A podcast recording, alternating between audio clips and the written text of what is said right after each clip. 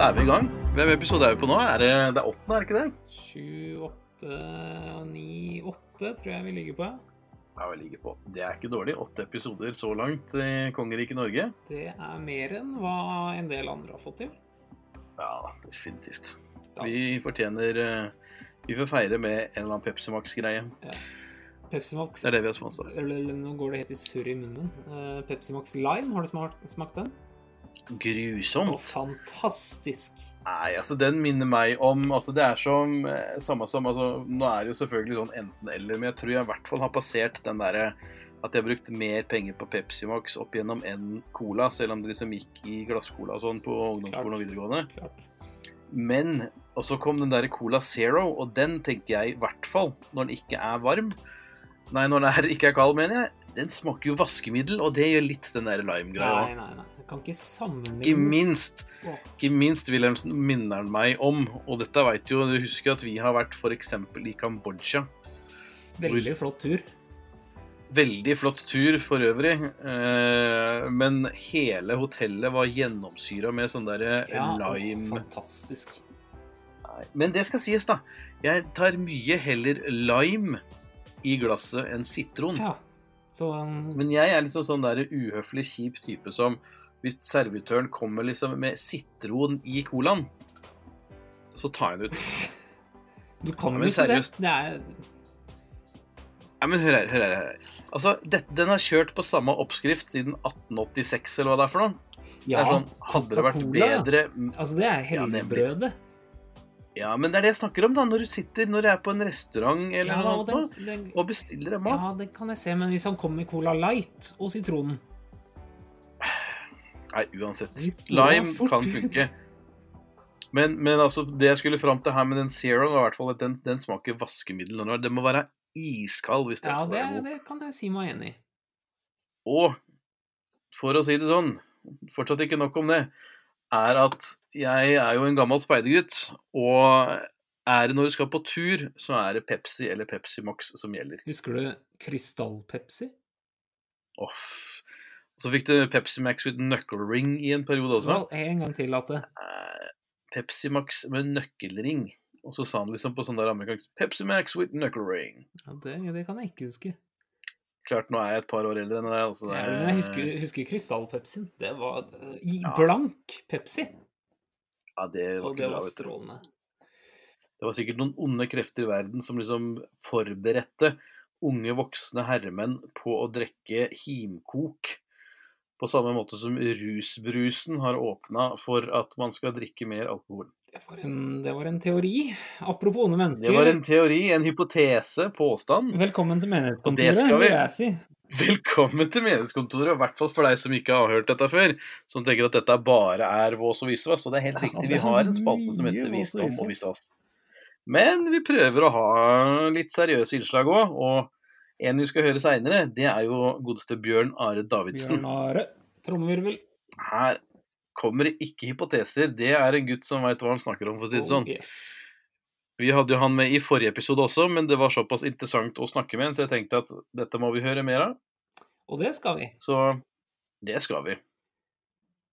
Og så har vi selvfølgelig, hva vi selvfølgelig også har, som alltid. Vi har som alltid, som du nevnte, visdom og visvas, men ikke bare det.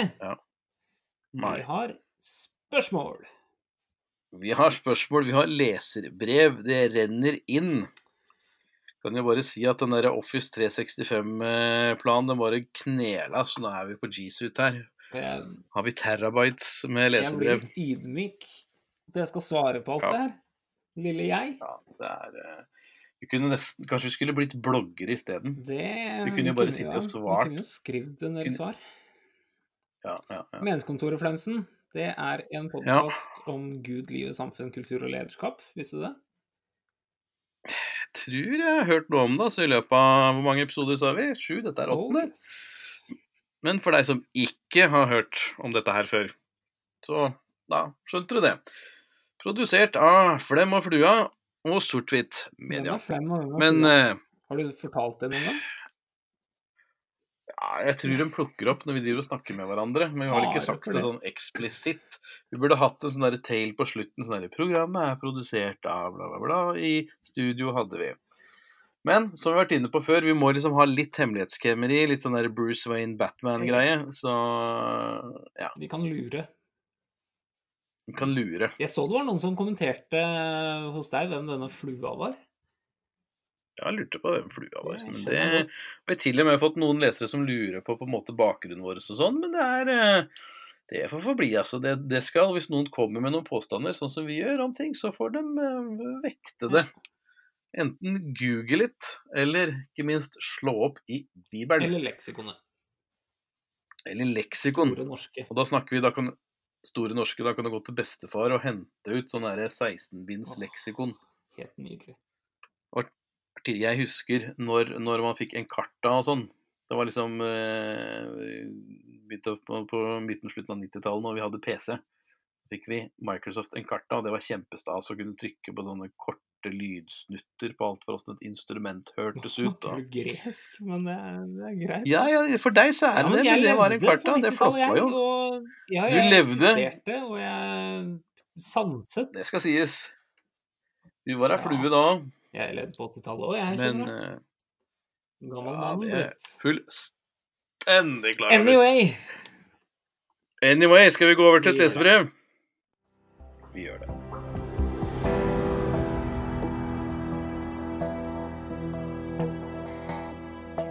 Og hva har vi i innboksen i dag, kjære venn? Nei, Wilhelmsen, du, vi har et lesebrev fra en småbarnsfar, faktisk. Eller ja, det er i hvert fall Han har barn. Han har barn. Eh, Du får lese, du. Jeg, jeg leser, jeg. Eh, Ja, det. Kjære menighetskontoret, står det. Det er oss, det. Det er oss. Jeg er en familiefar på 43 og har tre barn. Det er ikke oss. Det er ikke oss. familiefar. Eh, Det er familiefar. det står ikke noe navn i mailen. Eh, Det er noen som klarer å sende anonymt. Det skal de ha. Kan jeg få komme med et navn? Jeg sledder dem. Det hender jeg sledder navnet her. Men la oss kalle den for eh, Nils. Ok, Nils Gunnar, da. Nils Gunnar. Kanskje det er Nils Gunnar Lie. Ja. Veldig god programleder, husker jeg. På 90-tallet. Ja, På 90-tallet. Eh, jeg begynner på nytt. jeg. Kjære Ja. menighetskontoret. Jeg er en familiefar på 43 og har tre barn. Og heter Nils Gunnar, ifølge oss. To av de er veldig engasjert i fotball. Det kan jeg like. Og det er ofte kamper på søndager. Det at jeg kan like det, var jeg som skøyt inn. Eh, Jeg gjentar, to av de er veldig engasjert i fotball, og det er ofte kamper på søndager. Stort sett vil barna heller spille kamp enn å bli med i kirken. Hva gjør vi? Fotballekspert Ta lufta ut av fotballen. For du er jo kanskje gladere i noen andre ting enn fotball, Flemsen? Jeg er jo den som gledelig Altså, når, når kjøpte jeg VG papiravis sist? Eh, Men jeg tar i hvert fall vekk de der rosa sidene. Jeg, har- jeg veit knapt forskjell på de mest kjente spillerne. Si én fotballspiller. Eh, Riise. Han, han la opp på Karev. Karev. Og så har vi Eric Cantona. Apropos 90-tallet. Ja. Ryan Giggs. Ja, alle du har nevnt, Ja. er vel godt passert 40 og 50 nå. Zlatan, da. Ja, han synger på siste verset nå, men OK, du får godkjent. Hva heter han der Spice Girls-duden? Det er jo han derre Nikki, holdt jeg på å si. Nei, heter ikke Nikki. David, tenker du på? Beckham. Beckham, ja. David Beckham. Ja, da fikk vi jo De som er fotballinteressert, har fått plassert av greit. Ehm, nok om det. Uh, her skal Nok vi gi gi det. tips til en far. Du derimot, Jeg har spilt min fotball. og ikke minst, du har jo eh, Altså, vi har jo sett bilder av deg som kommer løpende ned på tribunen Det er sant, faktisk. og skriker av glede når det blir seier på hjemmebane. Det er helt riktig. Du har fått med deg det, altså. Ja, det, altså, dette, det, det var veldig lika, det bildet der på Det her er faktisk et, et lite spor i jakten på flua. Så er jo det Mm. Google litt. Leit på Facebook etter en fyr som løper ned på tribunen. Gå på YouTube, 'Guy running down', og så Da finner du flua med en gang. Og så hashtag flua. da kommer det. Ja. Eh, tilbake til Nils Gunnar. Ja. Eh, han har to To av tre unger er veldig engasjert i fotball, og det er ofte kamper på søndager. Ja. Vi, vi kjenner jo igjen problemstillinga, i hvert fall til dels. Eh, jeg husker jo sjøl. Jeg var ni-ti år. Ja. Og det var jo Nå er min bakgrunn, den kan vi ta en annen gang, men det var boring på søndagene med møter Ja.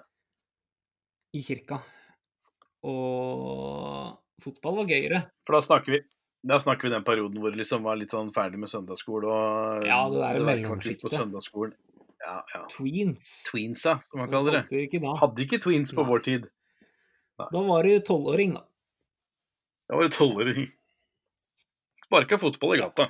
Og med drakta på stadion på søndagene. Eh, vi må svare Nils Gunnar. Nå har vi rota nok. Hva gjør han? Å, har vi. Nei, hva gjør han? Hm. Nei, jeg jeg- tror, altså, Han kan jo ikke tvinge kidsa til noe, selvfølgelig ikke. Men, jeg, jeg, jeg tror det første han kan gjøre, det, er, det, det, det må være å liksom prøve å fortelle hans erfaring eller viktigheten, eller hvorfor han tenker det er viktig og fint. Eh, dele både i forhold til det relasjonelle og gjøre noe sammen eh, som familie. Eh, dele troen sammen. Det var jo, apropos når vi hadde Hermund Haaland her for et par episoder siden sammen, som snakka om at eh, Problemstillinga hans begynte jo med på at det er veldig mange unge og, som, som faller ut av kirken etter hvert. Eh, men altså mange av de som fortsatt holder seg i kirke, er de som har på en måte fått innført gode Kall det tradisjoner, dette med å på en måte lese Bibel sammen, snakke om trosliv. eh, liksom ha de aspektene der, da. Så, så, jeg tenker at det er noe med å prøve å finne en god motivasjon for at kidsa skal bli med. Jeg vet ikke, Det kan være lurt å kanskje hvert fall For min del, da, mange av de beste vennene jeg fortsatt har, har jeg møtt i en menighetssetting. Ja. Eh, det skriver han jo ingenting om, men eh, jeg vil jo håpe og tro at kanskje de kidsa hans har noen venner også i menigheten. Og viktigheten med å på en måte ta det videre. Det har de jo helt garantert. Så, men, men mitt sånn konkrete svar eller innspill er det at um, man, man, får, man må liksom prøve å, å, å på den ene side fortelle hvorfor man tenker det er viktig både for familien, hva det har betydd for deg sjøl, og, og prøve å trekke noen lange linjer her at liksom det er en takknemlighet man kanskje setter sitter igjen med fra, for sin egen del, da, fra egen barndom og, og ungdomstid. Men så tenker jeg også at noen ganger så, så er det sånn den berømte kommentaren fordi mamma sa det, eller fordi pappa sa det, som bare trumfer alt. Apropos grønt kort og rødt kort på banen, eller hva det er for noe, men det er sånn Jeg tenker green card er til USA, i hvert fall. Såpass vet jeg. Noen Gult kort er det kanskje på banen. til slutt. Det er rødt kort Til nå, da. slutt, det var, det var, le- Leita etter noen farger her. Uansett, poenget mitt er at jeg tenker noen ganger så må det kanskje være greit å si at vet du hva, akkurat denne søndagen, eller gjerne forbered poden neste søndag, da blir det ikke kamp. Da gjør vi sånn. Og så går altså, Det er jo ikke noe poeng i å gjøre kirka til noe naziregime heller. Det går an å si at i dag skal du faktisk få lov til å aller nådigst å spille kamp. Aller nådigst. Men det går jo an Nåden. Men da, på da nåden. går det an å gjøre en eh, fin greie ut av det òg. At OK, du spiller kamp den ene søndagen, og så gjør vi skikkelig kirke den neste søndagen. For det er ikke kamp hver søndag heller, regner jeg med. Nei, altså vil jeg jo tenke at det er noe med ja, Kanskje med ute og spille ball med gutta på Løkka, som man sa i gamle dager, men uh, så, så er det noe med det å selvfølgelig le- ha den tenkninga med kids at det er liksom ikke alltid Det er jo veldig mange foreldre nå, kan vi jo lese om i alle mulige aviser, som, som, som liksom nærmest lever livet sitt gjennom barna, ikke sant, og er med på alt av treninger og prepper og ordner og herjer.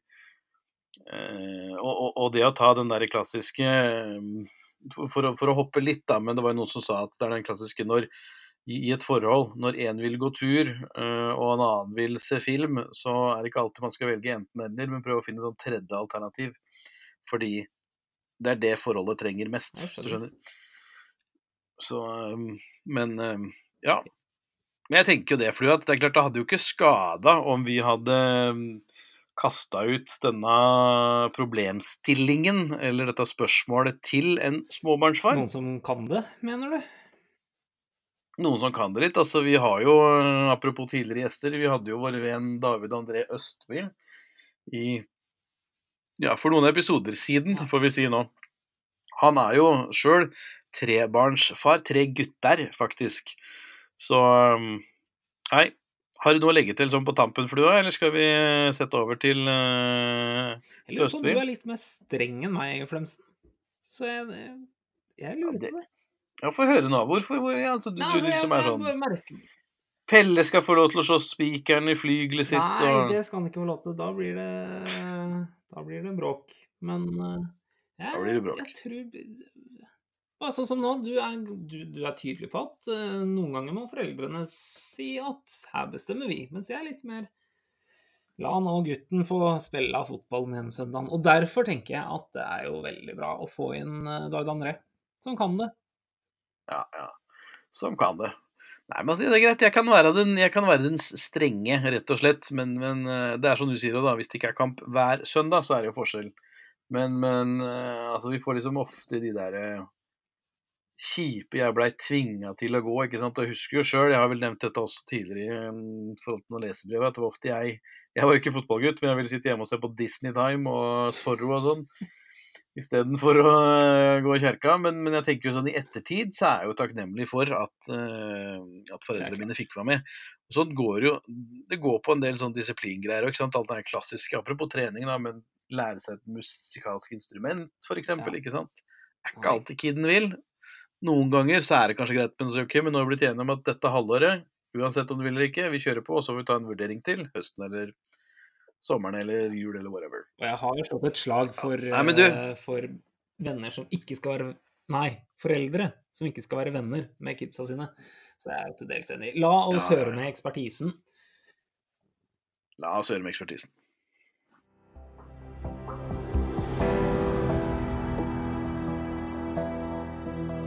David, vi har jo hatt med deg tidligere når vi snakka om lovsang, men eh, du er jo lovsangspastor, men ikke minst er du også småbarnsfar. Du har Stemmer. gift og har tre gutter. Eh, hva har, står dere i, eller hva tenker du om eventuelt de utfordringene som eh, blir nevnt i lesebrevet her, om å liksom Hvor mye press skal man legge på barn, eller skal man i hele tatt legge press i det hele tatt i forhold til å koble seg på eh, et gudstjenestefellesskap eller menighetsfellesskap, og er det liksom noe bestemt alder når man bør eller ikke bør? Jeg tenker jo at dette presset um, Det er jo alltid en balanse i alle ting. eh, Og vi har historier fra kanskje litt tidligere tider der uh, barn uh, som vokste opp i frikirkemiljøer, uh, knapt fikk lov til å være med på fotball eller andre aktiviteter utenfor kirken. Så det er jo en slags positiv ting, tenker jeg, at, at frikirkefolk og kristne generelt tar en stor del eh, i, eh, i lokalmiljøet og i eh, de aktivitetene som er i lokalmiljøet. Og for oss så, så klart vi også har jo erfart at barna til tider Det kanskje ikke akkurat vært fotballtreningen som har trukket de mest, men at de til tider ikke har vært så motiverte for kirken. Mm. Og jeg tenker alltid at, at barna kan pushes, og at, at foreldrene kan pushe. Men, men over tid så tenker jeg nok at man må prøve å finne en annen motivasjon enn å pushe eller true eller tvinge. Eh, For jeg tror ikke det på sikt nødvendigvis eh, skaper et godt forhold da, til kirken, som man jo ønsker at barna skal ha et godt forhold til. Eh, Så for oss så har det nok vært viktig eh, noen ting. Det første har vært at vi alltid har gått til kirken uansett. Og det bestemte vi oss for før vi fikk barn, at når vi får barn eller når vi gifter oss, så skal vi alltid gå i kirken. Altså, dersom vi ikke går i kirken, så er det et bevisst valg om at vi må gjøre noe annet eller er på ferie. Men, men defaulten vår er at vi alltid går i kirken, samme hvilket vær eller samme hvilken omstendighet eh, det er. Så hvis jeg eh, reiser en del, da, sånn, hvis jeg er ute og reiser, så, så drar alltid kona mi eh, til kirken med barna, selv om ikke jeg er der. Fordi hvis du bestemmer deg Mm. den søndag morgenen for skal, jeg, skal vi gå i kirken, eller skal vi på tur, eller skal vi gjøre noe annet i dag, så er det jo ofte fristende å ta fri. Eh, Det er alltid en grunn til å bli hjemme. Og det kjenner barna også, at det er alltid en Mm. grunn til å gjøre noe annet. Så vi har nok satt det som førstepri, at vi alltid går i kirken, og det er et valg vi tok for mange år siden, og ikke et valg vi tar den morgenen. Og så har vi forsøkt eh, å snakke Kirken opp, alltid snakke godt om Kirken hjemme, sånn at barna hører gode ting om Kirken. Og at vi, at vi um, gjør Kirken til noe som er attraktivt, og, og, at vi gleder oss til å dra til Kirken. Og skaper en forventning i barna gjennom det. Ja, for det, for det tenker jeg, det, det, du nevner, er det med å snakke varmt om Kirken. For det er klart det er noe man ofte kan dra med seg både fra arbeidsplass og andre steder. at det er, Vi har lett for å snakke om det negative og, ja. og, og, og baksnakke. Helt riktig. Og, vi, det er alltid altså, sikkert ting å snakke om når det gjelder Kirken også, som ikke alltid er perfekt. og det er vel få menigheter som er perfekte, så, så, det vil jo alltid være potensielt ting man kan snakke om. Men vi er varsomme med at hvis det er noe vi må prate om, så tar vi det utenfor at barna, eller uten, uten at barna hører det. Eh, fordi vi vil ikke at de skal høre negative mm. ting. Og vi er veldig bevisste begge to på at vi stopper hverandre hvis det er noe vi snakker om som er problematisk, ehm, og tar det i et annet rom. Så, så, og en tredje ting som vi, vi, prøver å være nøye på, er at vi også må gjøre en innsats for å hjelpe barna til å få relasjoner i kirken. Og nå går vi i en kirke som til stor grad mm. tilrettelegger for aktiviteter for barn i alle faser. Men vi ser også at hvis ikke vi som foreldre aktivt kobler våre barn med andre barn i kirken, så er det mye lettere at de heller henger med venner på skolen eller, eller nabolaget. Eh, det er ikke noe galt i det, men, men, vi tenker særlig for oss som bor i en stor by, så er mange av disse kirkevennene eh, mm. barn som bor da andre deler av byen. Eh, og vi må kjøre, vi må hente. Det, som, det for foreldre å være villige faktisk til å kjøre, til å ringe, til å organisere og hjelpe barna til relasjoner. Det kan bety at vi må kanskje må koble med, med de andre foreldrene i en Facebook-gruppe, eller ta initiativ, eller be folk hjem, eller til på overnatting. Men det er nok en del av og dette mm. også, at vi ganske aktivt må oppsøke det, fordi relasjoner i lokalmiljøet eller på skolen, det kommer ganske automatisk. Det er folk som barna henger med hele tiden, men, men relasjonen i kirken det, tar det lengre tid å bygge fordi man møtes sjeldnere, og man bor gjerne ganske langt fra hverandre. Så der må nok også foreldrene i stor grad ta initiativ.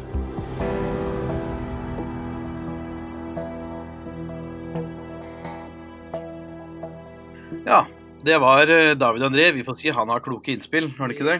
Jeg bøyer meg i støvet. Bøyer meg i hatten, som noen ville sagt bøyer oss i hatten eller i hva du nå har i møssan, så sier vi takk til David André, og vi sier at Nils Gunnar, vi håper du fikk noen gode innspill.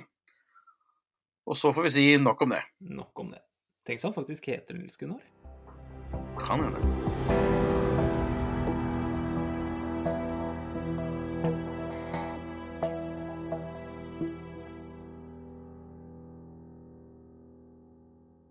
Ja, som vi sa innledningsvis, vi, eh, det var jo såpass spennende og interessant å snakke med Bjørn Are, til tross for at vi hadde en del tekniske utfordringer underveis.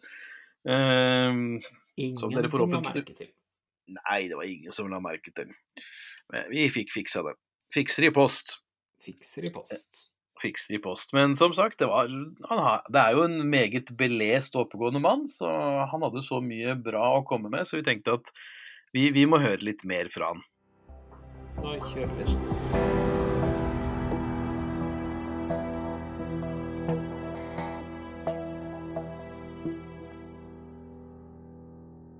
Du oversatte jo i sin tid David Cook sin bok som fikk tittelen på norsk 'Tro på avveie', uh, hvor det tas opp ulike ismer. Uh, kanskje et litt tabloid spørsmål jeg kommer med her, men, men hvilken isme eller hvilken eller hvilke ismer tenker du vil være den største utfordringa for uh, kristne de neste åra? Ja, jeg tror at på mange måter er de fleste av disse ismene nå, eh, om ikke døde, så i hvert fall eh, ganske ja, småsyke, forkjølet, og, og noen er kanskje også eh, på det siste.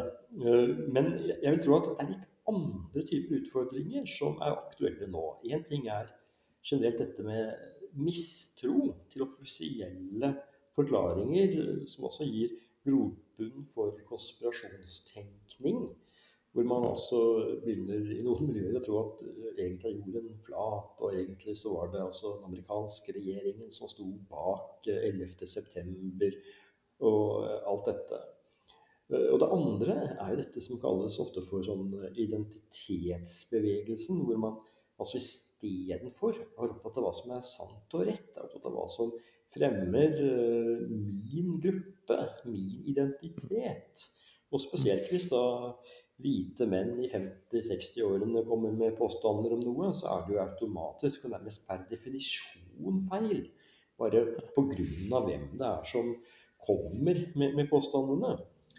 Og denne type psykologier, eller hva man skal kalle det, de ser jeg på som en stor utfordring for et demokrati og for en god offentlig samtale om mange spørsmål. Ikke bare om kristen tro, men generelt. Altså hvordan vi skal uh, erkjenne og, og, løse utfordringer sammen uh, fremover. Du nevnte jo, du nevnte jo så vidt eh, nå dette her med jorda er flat. Det er også noe som har kommet opp mer i det siste, at det er en del konservative som, som, som, tenker dette. Nå leste jeg vel nettopp en overskrift her at de skulle på en ekspedisjon til en av polene, tror jeg, for å prøve å bevise dette her. Eh, men dette er også noe som da kanskje henger sammen med i, i, i et, eh, en, en, tanke eller mening om at dette var også noe kirken mente da, eh, for hundrevis av år siden. Men dette har jo du også tatt et lite oppgjør med, har du ikke det? Dette med at jorden var flat, ja. Ja. ja. Eh, jeg har jo vært litt opptatt av det fordi at det er en av de mest vanlige påstandene. Altså at kirken i middelalderen mente at jorden er flat. Og det er jo veldig lett å vise at det ikke stemte, for det er jo veldig tydelig i alt man har av kunst og litteratur og vitenskap osv. fra middelalderen, at man avgjort fremstiller jorden som en rund eh, kule. Man ser det f.eks. i den norske læreboken 'Kongespeilet' fra 1260, hvor det beskrives hvordan man skal undervise da, i at jorden er, eh, er rund osv. med å ta et eple, altså et rundt eple, henge i en snor, og så føres stearinlys mot eplet. Og der hvor stearinlys er nærmest eplet, er det varmest, osv. Og, og mm. disse forholdet mellom solen og, og, og, jorden. Og dette er et veldig godt eksempel, som altså er framme uten Man diskuterer ikke spørsmålet engang, for det er opplagt at jorden er en rund kule. Altså, mm. I type riksregalia hos konger og keisere disse rikseplene de holder opp, det er da jordkloden med et kors på toppen for å vise at Kristus uh, er den som hersker over jordkloden. Og da er jo spørsmålet hvordan i all verden har det seg at man i nyere tid har begynt å tro noe helt annet. Og da må vi til uh, nyere tid, til en amerikansk bestselgerforfatter. Ikke Dan Brown denne gangen, men Washington Irving, som i 1828 skrev en biografi om oppdageren Christoffer Columbus. Og der eh, fant han ut at han måtte gjøre det litt mer spennende, så han diktet opp en diskusjon mellom Columbus og noen lærde på hans uh, tid. Og i denne diskusjonen så var det da en av disse, en, en prest, som uh, avfeide Columbus med at, dette, med at jorden var rund, ikke hadde støtte i Den hellige skrift, så dette burde Columbus ikke spre. Og dette ble da omfavnet av en del uh, politiske miljøer gjennom 1800-tallet som uh, hadde et behov for å uh, frata kirken, den konservative kirken, som oppfattet den som å være da, makt politisk. Og mm. da ble dette rett og slett gradvis gjennom ulike episoder så sementert at det er blitt umulig å bli kvitt denne merkelige forestillingen om at Kirken ikke skal ha forholdt seg til vitenskap, og skal ha hevdet at jorden var, var flat. Ja, det er jo, det er jo skremmende når, når fiksjon, sånn sett, som sier en oppdikta samtale, sånn sett blir, blir fakta. Da ser man jo tydelig konsekvensene av det. Du skrev på Verdidebatt for en tid tilbake at det ble arbeidet langt mer med gudstjenestereformer enn Guds argumenter. Uh, videre at antall seminarer om god sjelsorg overgår langt antallet om gode argumenter for at Jesus ble reist opp fra de døde. Sagt på spissen synes trosopplæringsreformen å handle mer om å lære om kirkelige handlinger enn om grunnen til at kirken finnes. Uh, opplever de at vi som kristne, og kanskje i likhet med andre institusjoner, er litt for opptatt av den slags framfor kjernen i budskapet? og er, er, Kan man si at det kanskje er en slags sekularisering? Ja, det, satt på spissen så er det nok uh, et godt stykke på vei, det. Det som engasjerer meg her, er jo det litt sånn paradokset med at altså, det skjer veldig mye. Veldig mye bra også i kirkelige sammenhenger. Men jeg synes at det er et veldig sånn innenfra og utad eh, perspektiv, hvor man ikke tar helt uh, ikke-troende, som ikke uttrykket, altså folk som ikke er kristnes perspektiv. Og, og da blir det veldig sånn uh, andre temaer man tar opp, som kanskje interesserer folk som har vane med å gå i kirken, men som ikke på noen som helst måte har samme engasjement for de som ikke eh, går i kirken, eller ikke i det hele tatt eh, er kristne og til og med kan være aktive motstandere av, av, av eh, kristen tro, og, og, ikke i det hele tatt i nærheten av noe Guds tro. Og når det er sånn at vi lever i en tid hvor antallet som tror på Gud daler, og nå er det vel faktisk flere i Norge som ikke tror på Gud enn som tror på Gud, om vi skal tro på meningsmålinger, så mener jeg et ganske klart behov for å utruste kristne til å kunne svare på gode spørsmål og få noen gode argumenter. Takk skal du ha, Bjørn Are, for at du hadde mulighet til å stille på eh, podkasten vår. Så bare til slutt, hva er det du jobber med nå? Ja, nå jobber jeg i uh, to forskjellige sammenhenger. Det ene er å jobbe med en bok uh, om uh, feil og utfordringer i norske lærebøker for grunnskolen og videregående. Og vi tar opp mange av de samme temaene som du har berørt her nå. Hvorfor sier man så mye rart om middelalderen og kirkehistorie osv.? Riktig, riktig. Og ikke minst om kristen tro, og kristen tro både i historien og i dagens samfunn. Det andre er uh, stilling som rådgiver i tankesmien uh, Skaperkraft, hvor jeg ser på ulike spørsmål og utfordringer som, som, eh, er aktuelle, og som vil bli satt på dagsordenen også de nærmeste årene. Spennende. Eh, og du er jo veldig aktiv, har vi sett på mye blogger og artikler, så det skal være forholdsvis lett å få lest for de som lytterne som vil eh, høre eller lese mer om deg. Så ligger det ganske mye ute både på bloggen din, og bøkene dine er jo også tilgjengelig å kunne få kjøpt i de fleste bokhandler. Ja, det stemmer. Så igjen, Tusen takk for at du hadde mulighet til å stille. Så får du ha en eh, fortsatt god dag. Ja, ikke sant.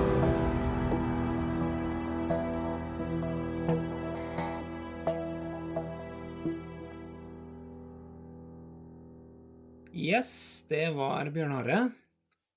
Det var Bjørn Are. Klok mann. Veldig klok mann. Vi får håpe vi får muligheten til å intervjue han eh, ved en senere anledning igjen. Han har fortsatt veldig mye spennende. Veldig. Visste du, Flemsen, det her Er du klar for en fun fact? Få høre en fun fact. Bjørn Are Davidsen, ja? mannen du nettopp har intervjuet, mm har skrevet forordet til en bok i Donald Duck og co.-serien De komplette årgangene. Mm. Det demrer at jeg har lest eller hørt noe om dette her, men ja, nei, dette er jo en Jeg kan late som. På sporet av den tapte fremtid heter stykket hans. Forord til de komplette årgangene 1966 del 3. Du verden. Det er klasse. Dette kan du. Donald Duck og co. Ja, Donald er høydere. Det er nesten jeg skulle sagt til Nils Gunnar i stad, at det bare gikk kidsa Donald. Ja, faktisk. Selv om Donald og søndagsskolen. Men nå er det engang sånn at uh, jeg er en Donald-fan, og jeg har av og til kasta et blikk i de bladene som gis ut nå til dags. Det er ikke samme kvalitet. Nei, men du må ha det, altså, altså En ting er Donald-blad, men altså, vi snakker jo Donald Pocket. Og ikke minst Skruepocket var jo min favoritt. Den har du nevnt med altså, jevne mellomrom. Ja, altså jeg hadde jo disse pengesøylene mine, ikke sant, med énkroner. Jeg sparte jo til tiøringsmillion og sånn. Men altså, ikke minst 1985, jeg tror det er mars 1985 eller noe, Snobbylack vender tilbake, og Donald får seg bil. Skikkelig fet bil. det jeg forbinder mest med Skruepocket, det var at det var 288 sider, i motsetning til Donald Pocket. Det var bare 256. Ja, det er ikke sant? Mer valuta for penga. Eller koster dem kanskje 78 spenn. Det får jo på en måte en sånn derre eh, paperback for i dag, da, på ark. Ja, vanlig Donald-blad, mener du? Nei, jeg tenkte på at liksom 78 spenn Du får jo liksom et bok for 99. Ja. Så er spørsmålet om det er visdom eller visvas i sånne bøker i forhold til Donald. Mye visdom i Donald. Det er det. Og til det så var jo dette selvfølgelig en kjempefin glidende overgang til visdom og visvas. Dette kan vi! Åh, vi har såpa Denne var veldig fin. Men uh, du skal få melde litt i dag, du. Uh, Har du noe Har du noe visdom, eller har du noe visvas, eller? Du, jeg har jo Hva skal man si? Det får jo bli opp til den glade lytter å dømme om jeg uh, Om jeg kommer med svovel eller salt, for å si det slik. Svovel. Alltid litt svovel. Jeg, jeg, har faktisk, jeg har faktisk en svovelpreken, og vi er faktisk litt inne på samme, samme greia som, som altså Apropos brevet til Nils Gunnar, dette med, med oppdragelse. Men vi skal ikke snakke så mye om oppdragelse sånn per se, men nå har vi tenkt at vi skal ikke gå sånn veldig i det som står i avisene akkurat nå, men, men det skal jo sies at uh, det er jo en Det har jo vært Det var jo spesielt en Dagens Næringslivs-dude, journalist, som skrev noe om eh, om godeste Ulstein og, og, og, og kona, og kommentarer rundt deres sexliv, eller hva skal vi si valg av å ikke ha det, holdt jeg på å si, før, før de gifta seg. Og dette gikk jo både Care og Arbeiderpartiet gikk jo helt i harnisk og mente at dette var helt bak mål. Kom jo masse kommentarer i kjølvannet av det her. Um, hun der godeste Ingvild Kjærkol i Arbeiderpartiet heter hun vel, hun sa vel at det er, dette er anakronistiske ideer som ikke bør ha noen sentral plass i norsk politikk anno 2019 Der fikk jeg. politisk redaktør i Dagens Næringsliv, altså Kjetil Alstaheim, han svarte på denne kritikken i kommentarfeltene, og han skrev at statsråd som har det ansvar for stor- å styrke kvinners seksuelle og reproduktive rettigheter gjennom norsk bistand, og at det derfor er interessant hva slags holdninger han har til dette. Mm. Og, og, og, og godeste Ap-politikeren spør det er greit å få svar på om konseptet som synd og hor er noe statsråden fortsatt står inne for. Mm. Hvor skal jeg hen med dette her, Vedelsen? Nå er jeg spent. Nå er du spent. Jo, nå skal du høre. Jeg tenker at ideen om ekteskapet, du, det er definitivt noe ministeren og regjeringa og Stortinget for den delen bør være opptatt av å stå inne for og heie. Altså, fordi det trengs ikke argumenteres fra et religiøst eller teologisk perspektiv for det. Du vet fortsatt at ekteskap holder lenger enn samboerskap. Den der klassiske sånn 20 000 gifter seg, 10 000 skiller seg-statistikk som liksom ikke stemmer. Det er det ene. Men nå skjønner du, nå kommer jeg til sakens kjerne her. Veit du Mm, Spørsmål. Ja, Tenk litt på den her. Hvor mye koster en skilsmisse? Mer for mannen enn for dama, si. Oi, og der mista vi Der kom klagen inn. Jeg sprengte innboksen på nytt. Nei, bare spøk. Hvor mye, mye det koster samfunnet, mener du? Aha! Aha! Nettopp. Nettopp. Ja, jeg har ikke svaret på det, for å si det sånn. Nei, men tingen er det at hvis vi spoler tilbake en tre-fire år Vi skal til det herrens år, in the year of our lord. Altså, hvem er det du skriver tidsregning etter? Ikke sånn der i vår tidsregning. Nei da. I 2014 så var det daværende velferdsminister i England som sa at regjeringen har en plikt til å styrke familiene og tenkningen om familie. Og det var nemlig basert på en forskningsrapport fra tenketanken Relationship Foundation, som kom fram til at Fordi før du skal få noen tall her nå, ikke sant, som det sier, samfunnet Jo, hva koster det i forhold til langtidseffekten? Altså når det skilles, ofte blir den ene sykemeldt i en lengre periode. Det kan få konsekvenser for helsen. Det får mye statistikk som peker i retning av at eh, barn eh, av skilte foreldre At det på en måte påvirker deres utdanningsløp. Som igjen da påvirker arbeidsledigheten. Og i USA så har vi forska på mm, barn da som ikke har eh, begge foreldre til stede i livet sitt. eh, At det kan få konsekvenser eller større sannsynlighet for kriminell løpebane osv. Og, så og ikke minst psykiske problemer både for de som er skilt, og barna. Og kanskje også andre pårørende rundt det. Dette har de da regna på, så hold deg fast. Vet du hvor mye det koster? Vi får ta, Dette har man jo ikke forska på i Norge, da. Men England, 2014-tall, vel å merke. Er du Jeg er mer enn klar.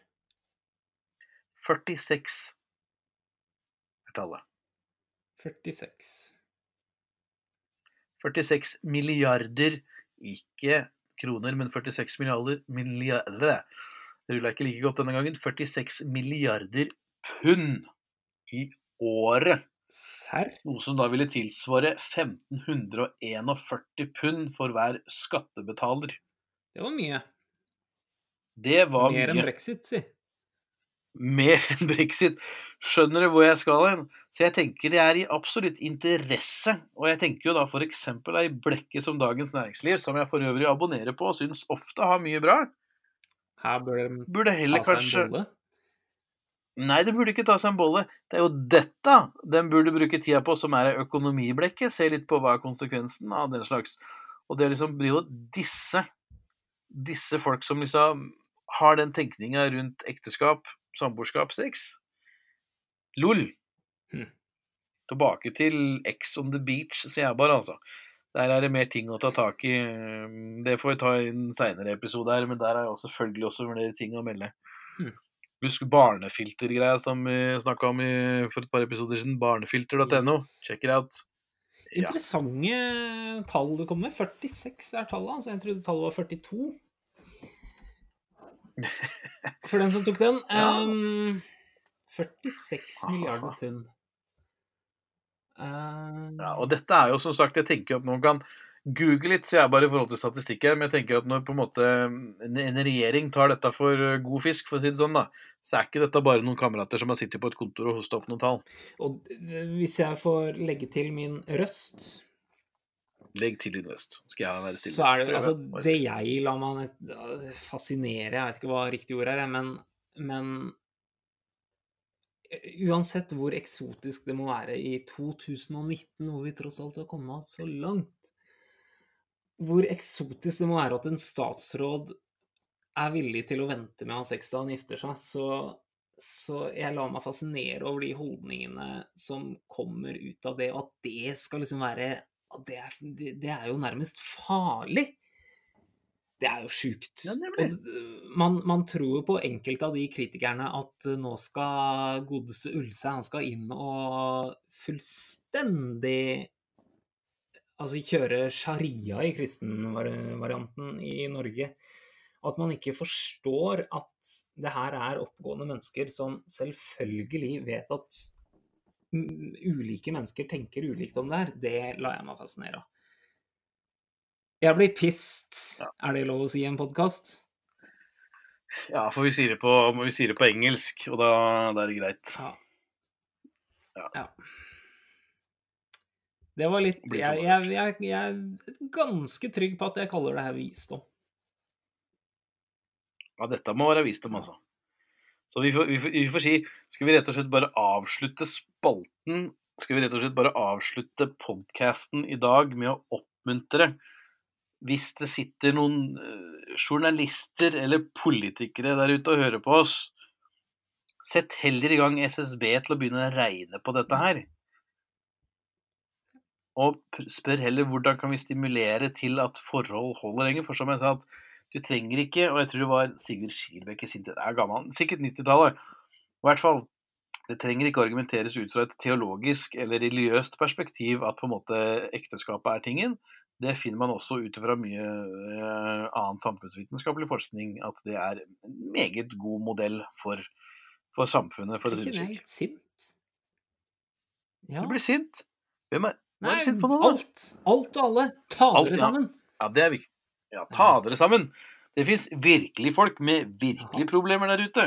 Som han godeste Atle Antonsen sa i serien Godt Dag. sagt. Ja. En av dem sitter her, si. Ja, men tenk heller på dem. Ja. Det er det jeg mener. Dette er jo Den var jo på Debatten nå for noen uker siden. Dette her med å tenke på Selvfølgelig blir det jo også vanskeligere økonomi når det er én og ikke to som skal forsørge eh, barna på samme måte. Ja, det er klart. Stimulere til at foreldre får det bra. Altså tenk, Da kan du begynne å snakke om tilbake til disse her 30-timersdagene Ja, dine. ja, og ja, ja. kortere, altså Tito-klubb og fire dagers arbeids... Ja, det, det mener jeg. Nå ble jeg litt, litt, litt mer, litt mer oppmuntra, Flamsen. Bra. Du kan ikke avslutte er episoden å være sinna. Det går ikke an. Nei, vi, vi må være blide. Det, vi- det vi kan oppmuntre til, det er Hvis du ikke har hørt alt av podkastene våre, lytt til første episode hvor vi snakker om kresne kristne. For deg som ikke er gift, tenk deg om, bli gift. Og, og lev vel, lev godt. Vær fruktbare og bli mange. Og så kan, så kan du høre andre og tredje og fjerde og femte og sjette og sjuende episode. Ja. Åttende har du hørt nå, Ja. hvis ikke så har du ikke Åttende hører jo på nå. Ja. Vær fruktbare, bli mange, overta jorden. Hæ? Ja, innta. Overta, innta. Mer land å innta. Du, Skal vi si det er eh, skal vi si at det var det. Takk for oss. Takk for alt. I studio hørte du Flem og Flua. Sier fortsatt ikke hvem eh, Batman er, for å si det sånn. Nei. Så snakkes vi om ei Bla La opp Donald Duck, de komplette årgangene 1966, del 3. Eller Snobbylack vender tilbake. Snakkes. Bibel og Donald. Hei hå.